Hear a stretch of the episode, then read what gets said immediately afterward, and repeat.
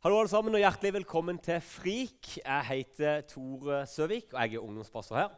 Og vi er inne i en taleserie som er veldig veldig kul. Alt snurrer. Er det noen der som klarer å lage sånne øyne? Klarer dere det? Se på naboen og så lag det rare sånn skjeleøyne og se alt snurrer. Se på naboen og se alt snurrer. Og Det vi snakker om i denne taleserien, her, det er noen veldig kjente vers fra Paulus' første brev til korinterne i det 13. kapittelet. Der står det noe om tro, håp og kjærlighet. Og Det er det vi skal snakke videre om i denne her taleserien. I dag så er det kjærligheten som jeg skal snakke om. Hjertet vårt. Så det blir utrolig bra. Forrige gang så snakka vi om tro. Vi snakka om troa som er noe som Gud gir oss, og noe som vi kan velge å gå inn i sjøl. Eh, og vi brukte et bilde på et anker, et fundament, noe som holder deg fast når alt snurrer. Og I dag så skal vi gå videre inn på kjærligheten. Og Der er det veldig mye veldig mye vanskelig. Så i dag blir det sånn snodig, en, en snodig preken. Er du klar for det? Og, og Grunnen til at det er vanskelig, det er fordi at alle her inne har et superfundamentalt behov for å være elska. Det er sånn at en helt nyfødt baby som ikke opplever nærhet, hudkontakt, de dør. De dør. De gir opp, for de skjønner at hvis det ikke er noen som kan elske meg her, så kan jeg ikke leve. Vi er helt avhengige av kjærlighet. Anerkjennelse og være en del av noe. Og så er det gøy med kjærlighet, og så er det vanskelig, og så er det så, så mange ting. og så kan det av og til virke som i dagens kultur som at det er blitt liksom et, um, et sånn kjempestort mål for livet. Kjærlighet. Eh, og i hvert fall hvis du går til amerikansk kultur, der de bare har ett eneste fattig ord for dette, her, og det er 'love'. Ikke sant? Og det er rart når du sier 'I love my wife', and I also love pizza'. Ikke sant? Det henger ikke på greip. For der, jeg håper at det er en forskjell på de to typene kjærlighet der. Bibelen har flere ord for kjærlighet. I Norge så kan vi si å elske eller å være glad i. Vi snakker om kjærlighet, så vi har litt flere ord på det. Men det er allikevel et litt sånn vanskelig ord å forholde seg til. For vi jakter etter det, vi søker etter det, og vi trenger det. Og så får vi, kanskje òg pga. det vi ser på TV og på nett, og alt mulig sånn, et litt sånn overromantisert forhold til hva kjærlighet er. Var du med på den? Det hørtes litt sånn snodig ut. Hvis du skal finne deg en partner for livet ditt, så må du være en som er sexy. Mm. Det må være en som er ordentlig nær og god. ikke sant? Det må være en som du beundrer, og når du ser han, så skal det bare dunke i hjertet ditt. Og Når du legger deg på kvelden, så skal du tenke på han. Når du våkner på morgenen, så skal du være der. Og du skal ha skikkelig lyst på han seksuelt. Mm. Det er kjærlighet. I hvert fall på mye av det jeg har sett på TV, så er det på en måte en romantisk kjærlighet.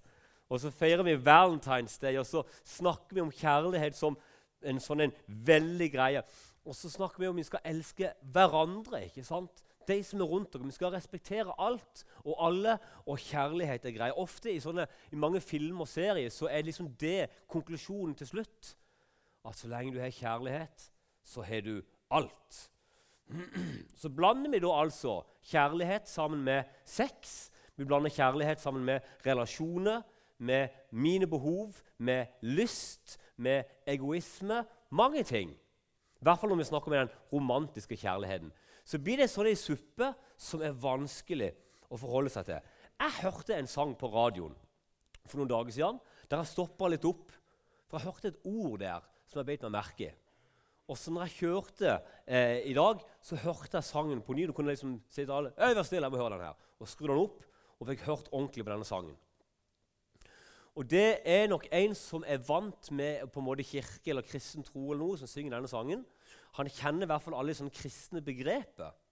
Så han sier det i sin sang at eh, når jeg er med deg, altså når vi og deg er sammen på natta og at Det kan være det gjør noe mer enn å bare hekle og spiller ludo. Tipper de gjør noe mer. Når jeg er sammen med deg, så har jeg ingen problemer med å be på morgenen til Gud. Altså, Uansett hvor mer jeg gjør på natta når vi er seks, så får ikke jeg dårlig samvittighet av det. Jeg kan allikevel be på morgenen. Når jeg er sammen med deg, så er det så digg at det kjennes ikke ut som at det er synd, som at det er feil, som at det er galt. Når jeg ser din kropp, tar på din kropp, er med din kropp, så er det som et møte med Gud. Og så bruker han masse eksempler fra Bibelen og ting som vi sier, der han istedenfor å snakke om Guds kjærlighet eller Gud eller Jesus, så er det hun og hun sin kropp. Og så ser Jeg på en for, altså, jeg synes den sangen der, som en kristen og det, det, er ikke sikkert alle reagerer på den måten, men som, som kristen og som pastor så var det, altså, det er noe av det verste jeg har hørt. Var, og jeg synes det var ordentlig, sånn, det var, det var en ordentlig spot i den sangen. Synes jeg. Og En av de tingene som, som jeg reagerer på, det er at de, at de, tar seg friheten til å si at sex og kjærlighet er så bra og så sterkt at vi trenger ikke Gud inn i det. Og alle de andre tingene og retningslinjene som Gud har sagt rundt dette, det kan vi viske Gud, for det føles så digg når jeg er med deg. Og så snakker han veldig lite i den sangen om hun der dama sin personlighet. Han sier at det er så digg og så herlig, ja, nesten hellig, når jeg har sex med deg, når, når, kroppen din. Det kan godt være du er grei og snill òg, altså. men du er så digg at det blir nesten som hellig. Og Jeg må bare si én ting til dere jenter med en gang. Dere er veldig mye mer enn et sexobjekt. Dere er mye mer enn det. Aldri gå for en person som ser på deg som et sexobjekt og redusere deg til å være det, at det er din primære funksjon. For det er det ikke. Du er skapt til å være så mye mer enn det, og du bærer ting i deg som er så eh, vakkert og så sterkt og så bra. Alle som har vært med på en fødsel, skjønner bare at det er så mye som bor i disse kvinnene her, som er så bøst at vi menn vi, Jeg tenkte på det midtveis i fødselen på den første ungen min at dette klarer ikke du. Dette orker ikke du. Skulle jeg gjort det du gjør, hun fant en sånn posisjon der hun sto i, i planken sånn. Hun sto sånn. Jeg sto sånn i, i halvannen time. Tenkte, det, det, det, det kommer ikke til å gå. Men det gikk. Dere er utrolig mye mer enn de tingene der. Og hvis vi på en måte skal i tillegg blande kjærlighet på denne måten og snakke om det på denne måten her, så er det plutselig svært sårbart for mange folk. Hvis tilfellet er at kjærlighet er på en måte bare noe dyrisk og noe seksuelt og noe sånn vilt, sånn som det. De da som har opplevd at noen trår over dine seksuelle grenser, folk som du hadde tillit til Kanskje det kan ha vært en kjæreste som pusha deg for langt. Det kan være noen venner som gjorde noe, noen som utnytta deg. Eller familie eller andre tillitspersoner som trår inn i din seksuelle greie og så skal vi da blande det så utrolig sterkt og ensforma opp mot kjærlighet. Når jeg da sier at Gud elsker deg, så er det noen som har sagt det og fortalt det at det er en fæl ting å høre. For betyr det at Gud vil ha kroppen min? Betyr det at Gud vil bare utnytte meg seksuelt? For det har vært den rare blandinga som har vært i det. Og jeg står ikke og sier at det er det som er greia på alt vi ser rundt dere. Dette blir en svært dyster greie når vi egentlig skal snakke om noe som er det beste som Gud har gitt dere. Men, eh, eh, men det er noe i dette her som er helt på avveie. Som er helt crazy. Og I kirka så snakker vi ofte om kjærlighet. Det er litt pinglete å gå i kirke, egentlig. Det er mange gutter som syns det er kjempevanskelig. For vi snakker om kjærlighet og og i lovsangen sier min Gud, din skjønnhet slår meg over ende. Og mine gutter kjenner at nei, det gjør han faktisk ikke. Og syns at det her er veldig klissete. Vi skal sitte og høre og føle veldig mye. Og jeg skjønner det. I gamle dager så kunne du iallfall bli sånn kriger og reise på pilegrimstur. og alt mulig. Og, ja, men kan ikke det lenger. Så det er, der er, der er, Beklager det, gutter. Jeg, jeg, skal prøve nå i tida som kommer, å gjøre det litt mer eh, macho. Av og til, iallfall. Vi kan slåss om det etterpå i Jesu navn. Vi snakker om Guds kjærlighet, og at Gud er kjærlighet. Og Vi snakker om, av og til om kjærligheten, og i noen sanger synes jeg nesten vi kan høre at vi synger at din kjærlighet, Gud, er det totale målet. Det er liksom punktum etter din kjærlighet. Din kjærlighet frelser meg, altså redder meg. Og det er nok en overdreven sannhet. For det er faktisk ikke sånn at Guds kjærlighet er det som redder deg, som frelser deg. Og det skal vi snakke litt mer om her nå.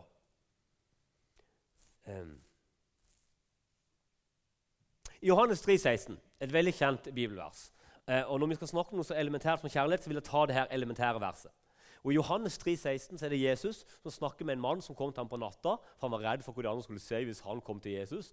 Men Jesus tar ham på alvor og snakker om vanskelige ting og utfordrer og mange ting. Og I, i den samtalen så har vi noe av det mest, eh, kanskje det mest kjente verset i hele Bibelen. Der Jesus sjøl sier at så høyt har Gud elska verden at han ga sin sønn, den enbårne, for at hver den som tror på han, ikke skal gå fortapt, men ha evig liv. Bare er det verset henger på, på, skjermen der. For så høyt Gud elska verden. Det er en utrolig sånn, viktig setning. For det er et utgangspunkt i dette. Så høyt Gud elska verden. Alt. Alt er skapt. Jeg tror at før skapelsen kom, så, så satt Gud der. Og Gud, som vi snakker om Gud som far og Gud som sønn og Gud som ånd. ikke sant? Og så er det en kjærlighet der som er i forbindelsen av.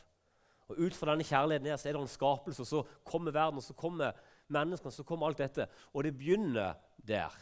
Guds kjærlighet er der helt fra starten av, og det skaper et, et, et grunnlag. Jeg ta, jeg skal ha et par rare eksempler fra min, fra min barndom her. Jeg tror jeg fortalte det før, men det er nokså kult. Da jeg var liten, fire, fem, seks år, husker ikke det, så hadde jeg en nabo, eh, en nabo som ikke var så kul. da. Syns jeg, da. I hvert fall. Og så følte jeg at jeg fikk skylda for mye, og det var antageligvis veldig berettiga. Men jeg følte det litt urettferdig. Og så hadde jeg en kjempegod idé. Nede på legeplassen var det ei hytte. Og, og, den hytta der var litt større enn en vanlig lekerhytte. Og der var det en del vinduer og sånne ting, så jeg fikk en idé. Du, jeg går ned der, så knuser jeg alle vinduene med stein. Så går jeg hjem til pappa og og så sier jeg at det var naboen som gjorde det. Kongeplan! Så det gjorde jeg. Jeg gikk ned der, knuste alle vinduene. Og de andre eh, vennene mine sa det burde du ikke gjøre, Tore. Jeg bare, du, det er verdens beste plan. Slapp av. Og Jeg knuste vinduene, og så gikk jeg rett hjem til pappa. Naboene våre knuste alle vinduene. Og pappa trodde ikke på det litt engang. Jeg, husker ennå hvor sjokka jeg var. For det var liksom, det var, det var ikke litt sånn der, Si det en gang til. Sånn, å ja, sier du det? Det var liksom bare Tore, har du knust alle vinduene? Nei, jeg hørte ikke hva jeg sa. Det var naboen. Og han igjen. Tore, hvorfor knuste du alle vinduene?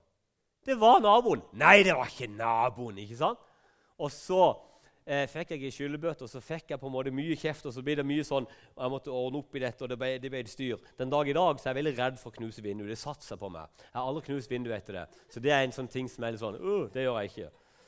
Uh, uh, og jeg, jeg, jeg, husker det, at det jeg lærte her, var liksom noe av denne her eh, voksenverden. At jeg kunne ikke lure det. Det var my mye sånn. Og På en måte så er det også sånn et svik mot pappa òg. Jeg skal inn og så skal jeg lure han, lyge for han, få han til å gå og skjelle ut en nabo. ikke sant? Det er nokså mye eh, dårlig stemning i denne her greia. da, ikke sant? Og så bare bang, så ble det ikke noe i det hele tatt. Det, det jeg husker var at, altså, Og så fikk jeg noe kjeft, og så ble det noe, noe etterspill av det. Men jeg husker veldig godt altså, denne prosessen og mine følelser rundt det. Men en av tingene som, eh, som, som, jeg ikke noe minne om, det er at min relasjon til pappa ble annerledes. Jeg tipper han passer litt mer på i dagene som kommer. ikke sant? Men jeg, jeg, jeg har et inntrykk av min pappa som en som har vært veldig trygg og stabil i mitt liv, og som har elska meg alltid. Han har sagt det veldig mye og vist det veldig tydelig. Og etter denne hendelsen så elsker fortsatt pappa meg. Og Det ble noen konsekvenser, men det ble ikke noe som ødela relasjonen vår. For det var noe som var på plass før jeg knuste de vinduene. Pappa var nemlig glad i meg før det. Så skjedde dette, det ble noen konsekvenser, og så fortsetter han å være glad i meg. For det lå som et grunnlag før dette. Og det var et nokså solid grunnlag som takla alt denne galskapen. En annen gang jeg var liten, sikkert på samme, litt eldre, tror jeg, så fantes det bare NRK1. Da heter det bare NRK. For det trengte ikke ha det én, for det var bare det heter bare NRK. Og det var før TV 2 å få opp. Og, eh, så vi, eh, vi, hadde en TV med NRK på. Det var skikkelig kult. Og da hørte jeg at de skulle vise en Supermann-film der. Og jeg hadde jo den frekke Supermann-drakta som mamma hadde lagd meg. på et karneval og greier. Så jeg, jeg, Det var skikkelig kult. Og jeg, jeg, spurte om jeg kunne få lov til å se den filmen, og maste om det, men jeg fikk ikke lov. Det, var bare for de voksne, og det var sent på kvelden. og alt mulig. Og Det var en fredag kveld og argumenterte nesten i hele uke, men det ble ikke noe. Jeg, og når det nærmer seg, så tror jeg kanskje jeg glemte det bitte grann. Jeg, jeg, jeg, la meg, jeg sov, så kom mamma og våkna meg. Og så sa hun 'kom opp litt, Tore'. Og Jeg skjønte ingenting. Jeg var trøtt som ei lerke. Og jeg kom opp i stua, og de holdt på å fikse på noen greier. tror jeg. Så jeg lurer på om det var sånn at stua var litt annerledes. I hvert fall så hadde da altså mamma satt opp to stoler foran TV-en. Og så hadde hun strygebrettet som bord, for det måtte vi ha. for det var et eller annet som skje, jeg tror vi fikset på noen greier. Så vi hadde strygebrettet vi brukte som bord, og så hadde mamma laga det er altså det beste jeg vet. Eller ikke vet. Visste. Jeg har utvikla meg. Halleluja. Det var ris, ordentlig hardt stekt kjøttdeig og ketsjup. Det var bare det beste vi kunne ha. Og så spiste vi smør rett fra boksen. Vi var veldig rare. Så det, og så satt vi der, og så sier mamma at nå skulle vi og der, for pappa var av sted, mine små søstre lå og sov, nå skal vi og der se på Supermann sammen. Og så husker jeg ennå, Det var ordentlig sånn rart. Jeg sa til mamma hvorfor skal vi det? Og så sier mamma nei, for jeg vil bare være snill med deg. Ja, men hvorfor skal vi det? Det er fordi at jeg er glad i deg. Og det var sånn som dette. Ja, Men hvorfor skal vi det? Ja, men Tore, Det er bare fordi at jeg vil gjøre noe hyggelig og fordi at jeg er glad i det. Og jeg sa det igjen. Og så tror jeg, jeg husker jeg tenkte noe sånn, sånn Bare hold kjeft, sett deg ned og bare vær glad du lever, og kjør på i disse tingene. Og jeg husker ikke den filmen i det hele tatt. Men jeg husker settinga, og jeg husker så godt den opplevelsen av at mamma var glad i meg, at jeg fikk noe helt spesielt av henne den dagen et kjempekjært barndomsminne for meg. Og grunnen til at hun gjorde det, det var ikke fordi at jeg har vært flink og snill og kul og bra. alle disse tingene. Hun argumenterte ikke med det. Hun kunne sagt Tore, du har vært flink i det siste og det rommet ditt mye. Da hadde hun løyet. så det kunne Hun ikke sagt. Men ikke sant? Hun kunne funnet noe og på en måte sagt at det er en gevinst for et eller annet. Og det er bra med gevinster for ting. det er ikke det jeg mener. Men sitt eneste argument var jeg gjør det fordi at jeg er glad i det. Det var det eneste argumentet. Det gjorde at det ble en sannhet for meg som festa seg ordentlig dypt hos meg. Det var ingenting fortjent. Jeg fikk det fordi at jeg var elska. Så når jeg knuste de vinduene og gjorde alt dette her, så var det et grunnlag som var dypere. Jeg var elska. Og så fikk jeg til og med demonstrert, helt ufortjent, jeg er elska av mamma. Og Dette tror jeg er veldig viktig når vi snakker om kjærlighet, og når vi snakker om Guds kjærlighet til oss. Når vi sier at Gud elsker deg, for så høyt har Gud elska verden Før du kom inn i bildet, før du var skapt, før alt dette her skjedde, så elska Gud verden med alt det som var. Så når jeg ser at Gud elsker deg, så handler ikke det om noen ting annet enn at Gud elsker deg fordi han har lyst til å være din pappa. Han har lyst til å være din far. Derfor elsker han deg. Du kan altså bli president i den internasjonale satankirka, og så vil Gud fremdeles elske deg. Oi, fytti. Wow. Gud vil fremdeles elske deg. Du kan være altså så snill du bare klarer, og bare være den beste, fineste, flotteste. Og Gud vil elske deg like mye. Hør, det er ingenting du kan gjøre for å få Gud til å elske deg mindre. Og det er ingenting du kan gjøre for å få Gud til å elske deg mer. For det at Gud elsker deg, er ikke en romantisk Hollywood-kjærlighet som handler om at du er et eller annet sånt og jeg dras mot det. Nei, Gud elsker deg for det at han har skapt deg, og han vil være din far, og det er grunnlaget. Det er ikke noe du kan gjøre med det. Beklager. Han elsker deg. Og hans kjærlighet er nok litt annerledes enn det vi tenker at kjærlighet er. En sånn en ting og en verdi som ikke blir snakka så ofte om når vi snakker om kjærlighet, det er f.eks. trofasthet. En kjempeviktig verdi for noen år siden. Og I de fleste kulturer når de snakker om kjærlighet, så er trofasthet en ordentlig, ordentlig verdi. Vi kan av og til få et inntrykk av at det ikke er så viktig her. I vårt samfunn, kanskje, for det at der er du i sentrum. Og det du ønsker for ditt liv, overskygger det andre. Så hvis du ikke lenger føler du får det du trenger i denne relasjonen, så kan du backe ut ifra det. Et av de ordene som Bibelen beskriver som kjærlighet, det er et ord som heter agape på gresk. Superkult teologi. Yeah. Agape og den agapekjærligheten det er en annerledes kjærlighet. Det er en selvoppofrende kjærlighet. Det er en kjærlighet som sier 'Jeg elsker deg, og nå kan du gjøre hva du vil'. Jeg står i det valget, og jeg kommer alltid til å gjøre det. Vi prøver å herme etter det når vi, når vi skal gifte oss. Ikke sant? Vi skal elske hverandre i gode og onde dager, til døden skiller oss. Og så prøver vi å streve etter å få den kjærligheten som kanskje bare Gud kan gi. Gud elsker deg med en trofast kjærlighet som er selvoppofrende.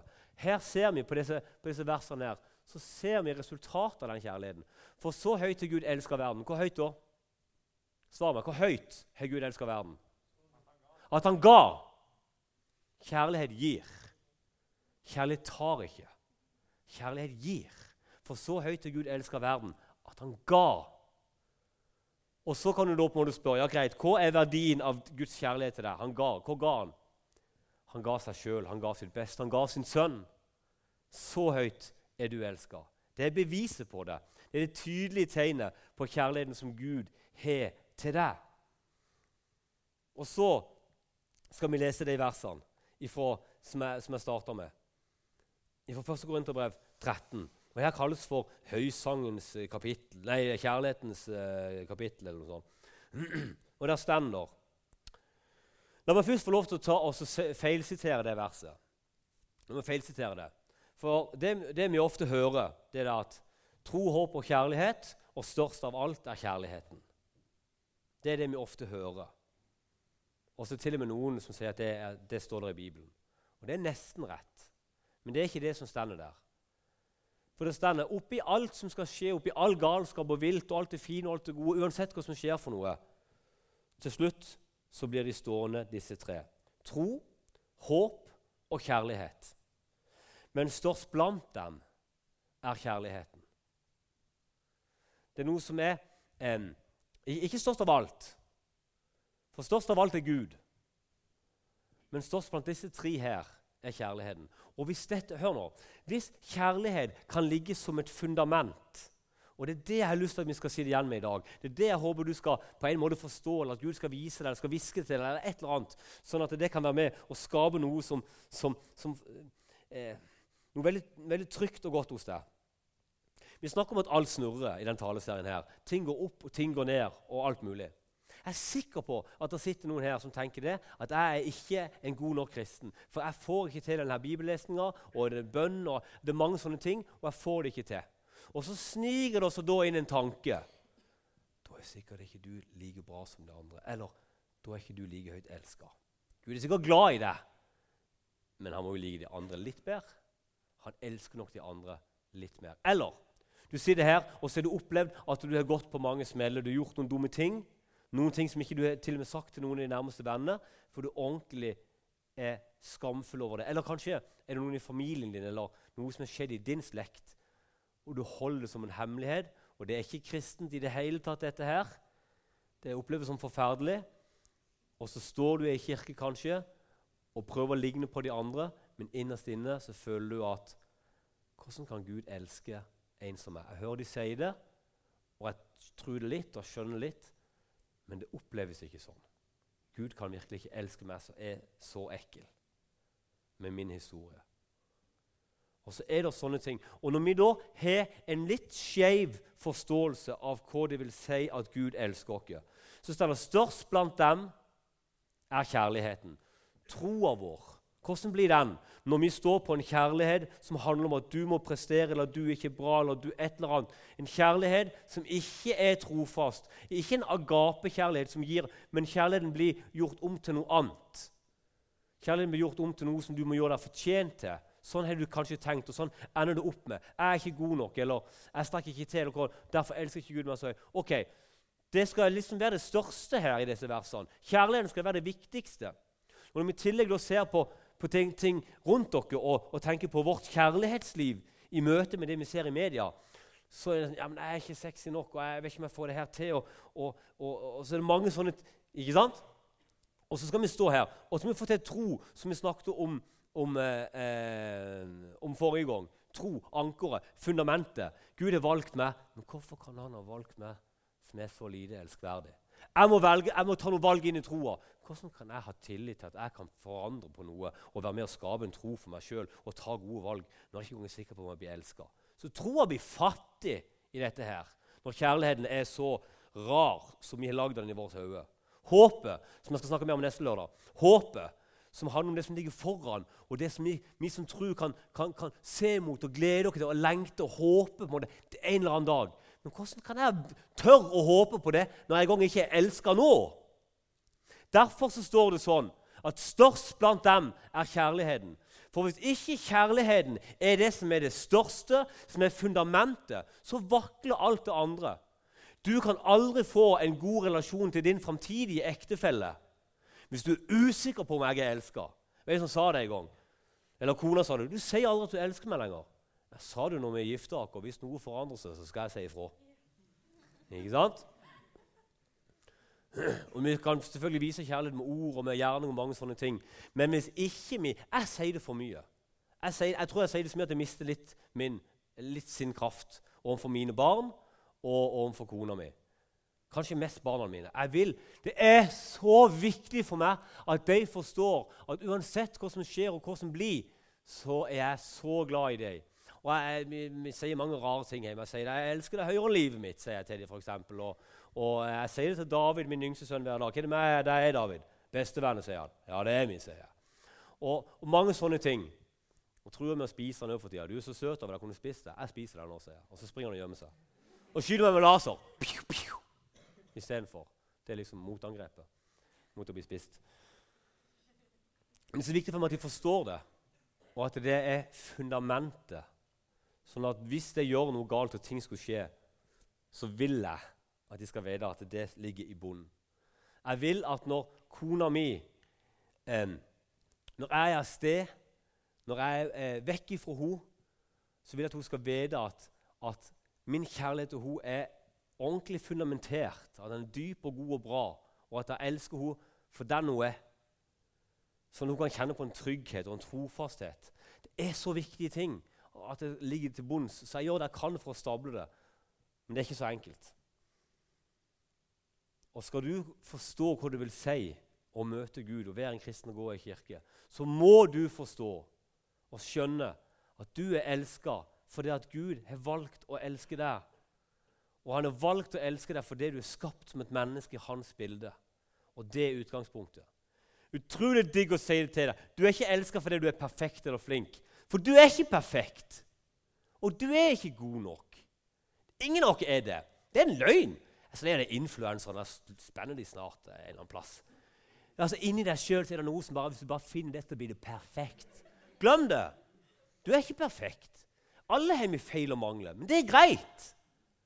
Det er greit å ikke være perfekt. Det er greit å ikke strekke til. Og hvis kjærligheten som vi skal stå på, skal handle om det Det må være liksom, jeg må, få det, jeg må være perfekt. Det går ikke. Du er elska fordi Gud elsker deg, fordi han har valgt det sånn. For så at Gud elsker verden. Og størst av alle tingene som vi skal bygge vår tro og vår liv på, er det faktumet at vi er elska. Størst blant dem er kjærligheten. Og når det ligger der, så kan alt skje. Jeg hadde tre mål med denne talen. her. Jeg hadde et mål om at vi skulle ikke på pisse på alt det som er rundt dere vi ser på TV. for det er ikke sånn det er.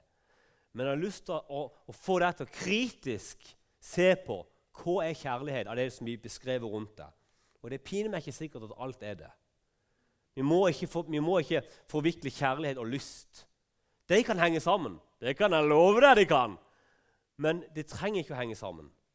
At du blir kåt, betyr ikke at du elsker noen. At du syns noen er sexy, betyr ikke at du elsker dem. At noen syns du er sexy, betyr ikke at de elsker deg. Det kan være det, men det er ikke ensbetydende med det. Og Vi må ikke bli sånne folk der vi bare blir noen ting. Så veldig kritisk til det. Det er superbra. Det andre jeg vil at du skulle se Guds kjærlighet som et grunnlag. Og det handler ikke om det. Drit i det. Jeg, blir føler, føler. Jeg bryr meg ikke om hva du føler. Faktum er at du er elska. Jammen, jammen. Ikke noe jammen, jammen. Du er det. Du kan tro hva du vil, det forandrer ikke faktum. Det står en bil der ute. Jeg tror ikke det er en bil. Jeg ser at det er en bil der. Jeg tror ikke på det. Ja vel, det står en bil likevel der. Se hva du tror. Faktum er at du er elska. Du er skapt og du er elska, og du er verdifull. Og den siste tingen jeg hadde lyst til å gi en anledning og en utfordring til å slippe noen av de tingene her som du bærer på. Slippe noen av dine forestillinger. Kanskje er det noen som har gått og tenkt lenge på at jeg ikke er god nok til å bli elska av Gud eller til å bli elska av andre rundt meg. Eller kanskje er det noen som, som tenker at, at det jeg har gjort, er så galt at det kan på en måte ikke være Eller at noen tenker at siden ikke jeg er flink nok på disse tingene, så er ikke jeg elskverdig. Eller at jeg må bytte min trofasthet mot det som Gud har å gi. Det er feil. Det er ikke sant. Og Kanskje er det godt for noen å slippe de tingene jeg skal be etterpå, og så si til Jesus det. Jeg har lyst til å ta imot den kjærligheten på ny. Unnskyld at jeg har gjort en byttehandel. Sånn skal det ikke være. For når det kan ligge der som et grunnlag, du er elska, så kan alt skje. Takk, Jesus, for at du, du viser din kjærlighet for oss. Du dør på korset, og du står opp igjen så høyt du vi elsker, at du ga ditt liv for oss. Kjærligheten din ligger som et grunnlag før verden ble skapt. Og din kjærlighet til oss den er konstant og den ekte. Og, og nå ber om at du skal viske vekk noen av de tingene som vi kanskje har tenkt om kjærlighet, som vi har sett rundt dere, og som på en måte bare er en delsannhet. Og Jeg ber om at du på ny viser oss hva det vil si at vi er elska. At vi kan få erfare det, føle på det, tro på det, håpe på det. La det bli et grunnlag i våre liv, og hjelp oss Jesus til å slippe det som ligger bak, og ta imot det som du har for oss. Vi kan ikke be om å få mer av din kjærlighet, for den er jo konstant. Men vi ber om å få erfare mer, få se mer og få leve i det enda mer. I Jesu navn. Amen.